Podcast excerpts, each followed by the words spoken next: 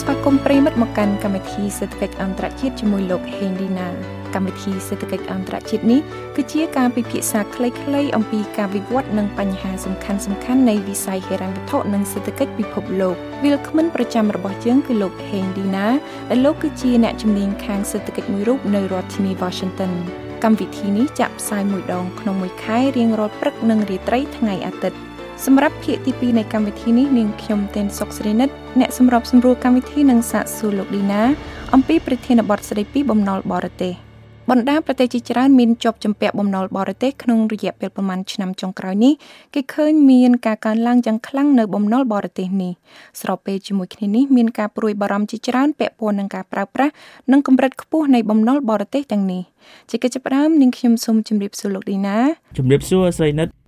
សំណួរដំបូងរបស់ខ្ញុំចង់ឲ្យលោកបកស្រាយថាតើអ្វីទៅជាបំណុលបរទេសហើយហេតុអ្វីបានជាប្រទេសជាច្រើនមានជាប់បំណុលបរទេសអឺបំណុលបរទេសអឺដោយតែពាក្យបាញហ្នឹងគឺថាជាបំណុលដែលប្រទេសមួយជពាក់ទៅអឺ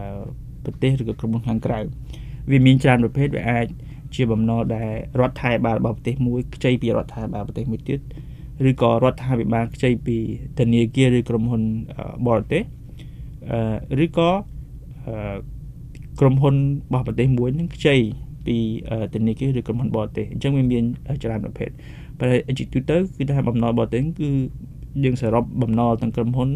ទាំងរដ្ឋដែលជាពាក់ទៅបរទេសក្រុមហ៊ុនឬក៏រដ្ឋាភិបាលបរទេសខ្ញុំចា៎ចំពោះប្រទេសក្រីក្រឬក៏ប្រទេសកំពុងអភិវឌ្ឍយើងឃើញថាភាគច្រើនវាជាបំណុលរវាងរដ្ឋាភិបាលនិងរដ្ឋាភិបាលដោយសារគាត់ពុំមានលទ្ធភាពខ្ចីពី ពីទីផ្សារចាហេតុអញ្ញវត្ថុអឺហេតុអីបានជាគាត់អឺត្រូវការខ្ចីលុយច្រើនយើងឃើញថាប្រទេសកំពុងអភិវឌ្ឍភាគច្រើនហ្នឹងគាត់ត្រូវការធនធាន ដើម្បីវិនិយោគទៅលើហេដ្ឋារចនាសម្ព័ន្ធអប់រំនិងសុខាភិបាលដែលជាកត្តាសំខាន់សម្រាប់អភិវឌ្ឍសេដ្ឋកិច្ចមួយអញ្ចឹងអឺហើយដូច្នេះហើយគាត់ត្រូវការខ្ចីខ្ចីពីរដ្ឋាភិបាលប្រទេសផ្សេងទៀត ដើម្បីបង្កើននិងជំរុញការអភិវឌ្ឍវិស័យទាំងនេះឲ្យបានលឿនអញ្ចឹងហើយចំពោះប្រទេសអ្នកមានហ្នឹងគឺគាត់ត្រូវការខ្ចីដែរយើងឃើញថាប្រតិបត្តិការសាច់ប្រាក់របស់ប្រទេសភាគច្រើនហ្នឹងគឺគាត់ត្រូវការបំណុលរយៈពេលខ្លីហើយបំណុលរយៈពេលខ្លីអាចពីខាងក្រៅដែរដើម្បីជួយសម្រួលការចាយវាយការចំណាយរបស់រដ្ឋាភិបាលអញ្ចឹងអញ្ចឹងគេថាប្រទេសកំពុងអភិវឌ្ឍគឺខ្ចីប្រទេស អ្នកមានអ្នកមានគុកជ័យគ្រាន់តែរូបភាពនៃកម្ចីហ្នឹងវាអាចខុសគ្នាចាបាទបើនិយាយពីគុណប្រយោជន៍វិញតើបំណុលបរទេសអឺនឹងវាមានគុណប្រយោជន៍អ្វីខ្លះដែរបាទគុណប្រយោជន៍អឺទីមួយដូចខ្ញុំបង្ហាញនេះគឺថាគាត់ត្រូវការទុនធានដើម្បីវិនិយោគទៅលើហេដ្ឋារចនាសម្ព័ន្ធអឺសុខាភិបាលនិងអប់រំដែលជាវិស័យសំខាន់សំខាន់នឹងក្រៅពីនេះគាត់អាចវិនិយោគទៅលើវិស័យសំខាន់មួយចំនួនទៀតដើម្បីអឺ បង្កើនកំណើនសេដ្ឋកិច្ចនិងការអភិវឌ្ឍរបស់គាត់ចំពោះក្រុមហ៊ុនវិញជួនកាលគាត់គាត់ត្រូវការសាច់ប្រាក់ពីខាងក្រៅដែរដើម្បីអឺបង្កើនការវិនិយោគរបស់គាត់ឬក៏បង្កើតឬក៏ពង្រីកអាជីវកម្មរបស់គាត់ណាពីចឹងក្រុមហ៊ុនធំធំអឺទាំងនៅសហរដ្ឋអាមេរិកក៏ដោយទាំងនៅជប៉ុនក៏ដោយនិងប្រទេសមួយចំនួនដែលអាចខ្ចីបានគឺគាត់ត្រូវការបំណុលបរទេសដើម្បីអឺ វិនិយោគទៅលើការស្រាវជ្រាវឬក៏ការអភិវឌ្ឍឬក៏សង់រោងចក្របន្ថែមចា៎អឺប៉ុន្តែសរុបមកថាគុណប្រយោជន៍នៃបំណុលទាំងអស់ហ្នឹងវាអាស្រ័យទៅលើ ទី1គុណភាពស្ថាប័នក្នុងការគ្រប់គ្រងនិងប្រើប្រាស់បំណុលទាំងអស់ហ្នឹងអឺហើយពីចឹងយើងក៏លេចមើលទៅប្រវត្តិសាស្ត្រវិញយើងឃើញថាជប៉ុនក៏ដោយសិង្ហបុរីក៏ដោយគឺគាត់បានខ្ចីបំណុលបរទេសដើម្បី វិនិយោគទៅលើហេដ្ឋារចនាសម្ព័ន្ធសុខាភិបាលនិងអប់រំរបស់គាត់ភាគច្រើនកាលណាតែពាក្យបំណុលយើងភាគច្រើនមនុស្សទូទៅមានអារម្មណ៍ថាវាជាបញ្ហាអញ្ចឹងខ្ញុំចង់ដឹងថាងាកមកគុណវិបត្តិវិញតើបំណុលបរទេសហ្នឹងវាអាចចោទជាគុណវិបត្តិអ្វីខ្លះដល់ប្រទេសដែលខ្ចីពីប្រទេសផ្សេងបាទសិនអឺបំណុលបរទេសហ្នឹងវាអាចក្បិតមុខពីប្រសិនបើយើងប្រើប្រាស់ក្នុងគ្រប់គ្រងវាមិនបានល្អវាអាចមានផលប៉ះពាល់ច្រើន ជាឧទាហរណ៍សាមញ្ញប្រសិនបើបំណុលនឹងមានកម្រិតខ្ពស់ពេកធ្វើឲ្យអឺការចំណាយទៅលើការប្រាក់ដើម្បីសងគេវិញនឹងវាខ្ពស់អញ្ចឹងមានន័យថាចំណាយទៅលើវិស័យសំខាន់សំខាន់ដូចជាអប់រំសុខាភិបាលឬក៏ហេដ្ឋារចនាសម្ព័ន្ធឬក៏សន្តិសុខអីហ្នឹងវាអាចថយចុះហើយការថយចុះចំណាយនេះវាអាចអឺអឺបន្ថយឬក៏ធ្វើឲ្យកំណើនវាវាធំថយចុះហើយក្នុងករណីដែលក្រក់បំផុតហ្នឹងគឺអាចមានវិបត្តិសេដ្ឋកិច្ច ឬក៏វិបត្តិធនាគារឬក៏វិបត្តិអត្រាប្តូរប្រាក់ដូចដែលយើងឃើញនៅអសងទីននៅក្រិចជាដើមពេលថ្មីថ្មីនេះអញ្ចឹងអឺប៉ុន្តែខ្ញុំសូមបញ្ជាក់ថាអឺគុណវិបត្តិនៃបំណុលហ្នឹងវាអាស្រ័យលើកត្តា5យ៉ាង ទី1គឺថាការបំណុលយើងខ្ចីហ្នឹងវាមានរយៈពេលវែងឬខ្លីជាចម្បងយើងចង់បានរយៈពេលវែងដើម្បីងាយស្រួលគ្រប់គ្រងទី2 តើសមាជិកភាពនៃបំណុលហ្នឹងក្នុងរូបភាពណាជាកម្ចីដែលក្នុងសាច់ប្រាក់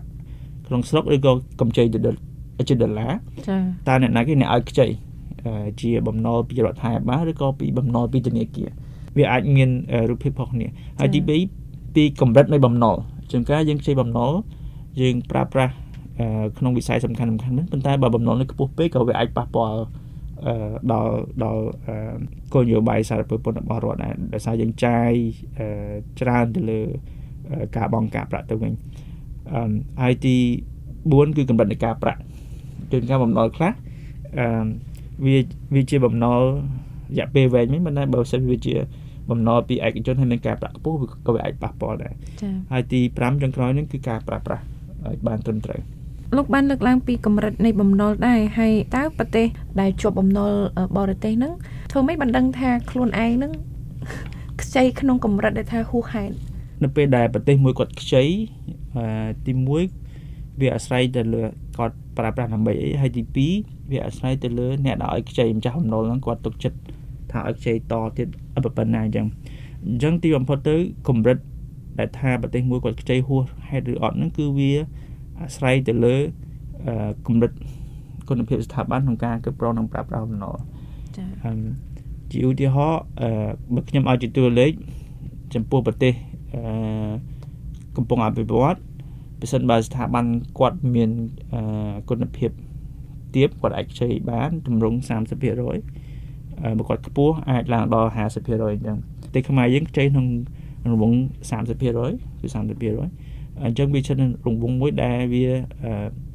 មិនហួសហេតុទេបើមិនបើយើងមើលមើលពីតួលេខនេះអញ្ចឹងបណ្ដាសំណួរដែលយើងគួរសួរទៅវិញចំពោះកម្រិតហួសហេតុគឺថាការគាត់ប្រើប្រាស់ត្រឹមត្រូវសមរម្យដើម្បីទ្រទ្រង់កំណើនសេដ្ឋកិច្ចដែរឬអត់ហើយទី2ថាតើសមាជិកភាពនៃកម្ចីហ្នឹងបានមកពីណាវាបានមកពីធនាគារបរទេសឬបានមកពីរដ្ឋាភិបាលបរទេស អញ្ចឹងទាំងអស់ហ្នឹងហើយដែលដែលជួយឲ្យយើងអាចធ្វើការ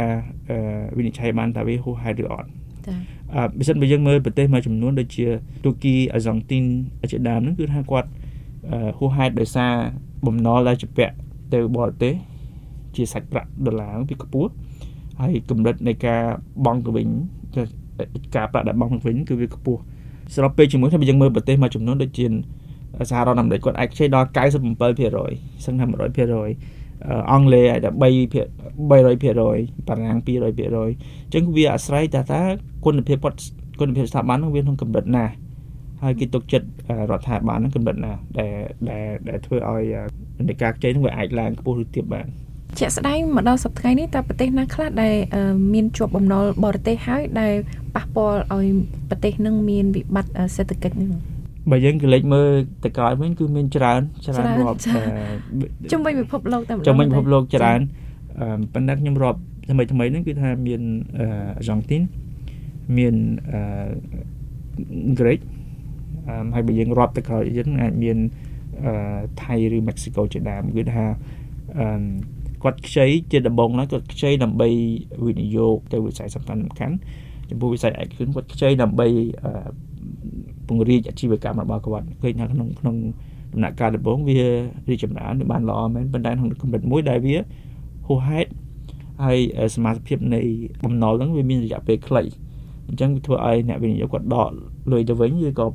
ប្រឈប់ឲ្យខ្ចីតទៀតនៅពេលដែលគាត់អត់មានទំនុកចិត្តអត់មានទំនុកចិត្តដោយសារមានអស្ថិរភាពនយោបាយឬក៏អស្ថិរភាពមហាកោសេដ្ឋកិច្ចនៅ ពេលហ្នឹងហើយដែលចាប់ផ្ដើមមានសម្ពាធខ្លាំងទៅលើអត្រាប្តូរប្រាក់ហើយនឹងវិស័យធនាគារអញ្ចឹងគាត់អាចជួបជួបវិបត្តិជាឧទាហរណ៍អឺចំពោះអឺប្រទេសថៃឆ្នាំ97ជាឧទាហរណ៍ខ្លីមួយជ្រុងគាត់ខ្ចីបំណុលភាគច្រើនជាប្រាក់ដុល្លារអញ្ចឹងនៅពេលដែលលុយបាតចុះថោកនៅពេលដែលគេឈប់ឲ្យខ្ចីលុយឈប់ហូរចូលឬក៏ហូរទៅវិញ លុយបាតវាចុះថោកលុយបាតចុះថោកមានន័យថាធនាគារឬក៏ក្រុមហ៊ុនដែលជពាក់បរទេសជាលុយដុល្លារហ្នឹងគាត់ត្រូវជពាក់ច្រើនជាងមុនបើទូទាត់ជាលុយលុយបាតអញ្ចឹងអញ្ចឹងហ្នឹងហើយវាអាចរាលដាលដល់ដល់វិស័យផ្សេងផ្សេងអញ្ចឹងបាទអញ្ចឹងជារួមមានប្រទេសច្រើនដែលជួបវិបត្តិបំណុលចាអញ្ចឹងមានន័យថាប្រទេសមួយមួយត្រូវតាប្រយ័ត្នប្រយែងតិចដែរនៅពេលដែលជាពាក់បំណុលបរទេសហ្នឹងចាបាទប្រទេសភាគច្រើនត្រូវត្រូវប្រយ័ត្នប្រយែងហើយទូនាទីក្នុងការតាមដាន ពិនិត្យមើលនិងសាកសួរហ្នឹងមិនមែនតែរដ្ឋាភិបាលមកជាបរដ្ឋត្រូវការតាមដានជីកសួរដើម្បីយល់ដឹងថាតើបំណុលហ្នឹងប្រើប្រាស់សំរុំនិងគ្រប់គ្រងបានល្អដែរទេព្រោះបំណុលហ្នឹងមានន័យថាដើម្បីសងវិញក្នុងដំណាក់កាលមួយរដ្ឋាភិបាលគាត់ត្រូវប្រមូលពន្ធហើយពន្ធហ្នឹងគឺប្រជាពលរដ្ឋគាត់អ្នកបងសងទៅវិញអញ្ចឹងគាត់ត្រូវមានសិទ្ធិហើយនឹងក៏ជា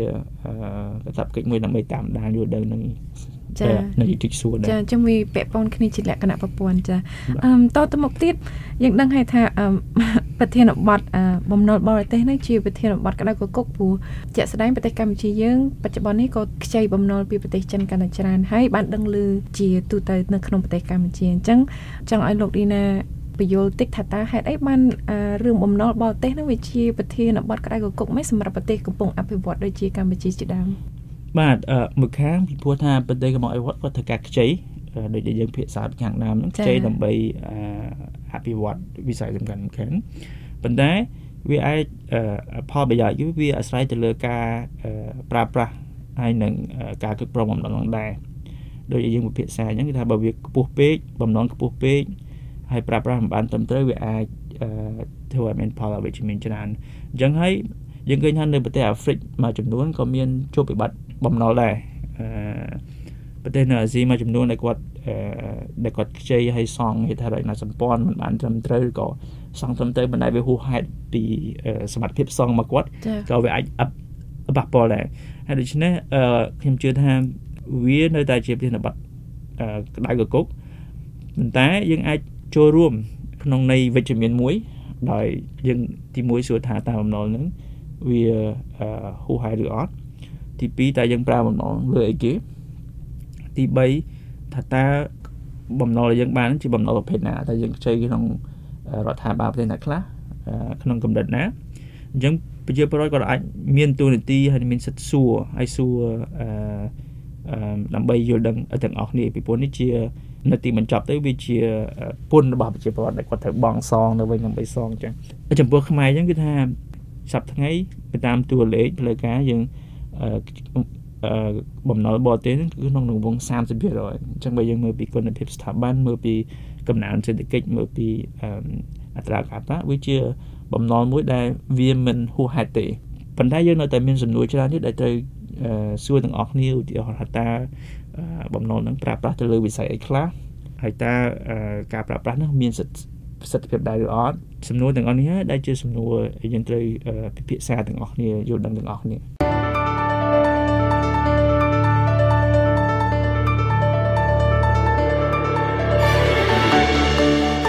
កម្មវិធីសេដ្ឋកិច្ចអន្តរជាតិរបស់ VOA ជាមួយលោកហេងឌីណាសម្រាប់ខែឧសភានេះសូមលាប្រិយមិត្តអ្នកស្ដាប់ត្រឹមតែប៉ុណ្ណេះ។ នៅខែមិថុនាកម្មវិធីរបស់យើងនឹងនាំជូនការពិភាក្សាអំពីសេដ្ឋកិច្ចសហរដ្ឋអាមេរិកលោកអ្នកនាងក៏អាចស្ដាប់ភាគផ្សេងៗនៃកម្មវិធីសេដ្ឋកិច្ចអន្តរជាតិរបស់យើងតាមគេហទំព័រ khmer.vanews.com/worldeconomics និងតាម Facebook facebook.com/voa ខ្មែរខណៈពេលនេះនាងខ្ញុំទេនសុកស្រីនិតអ្នកសម្របសម្រួលកម្មវិធីសូមជម្រាបលាប្រិមិត្តត្រឹមតែប៉ុណ្ណេះជួបគ្នានៅខែក្រោយ។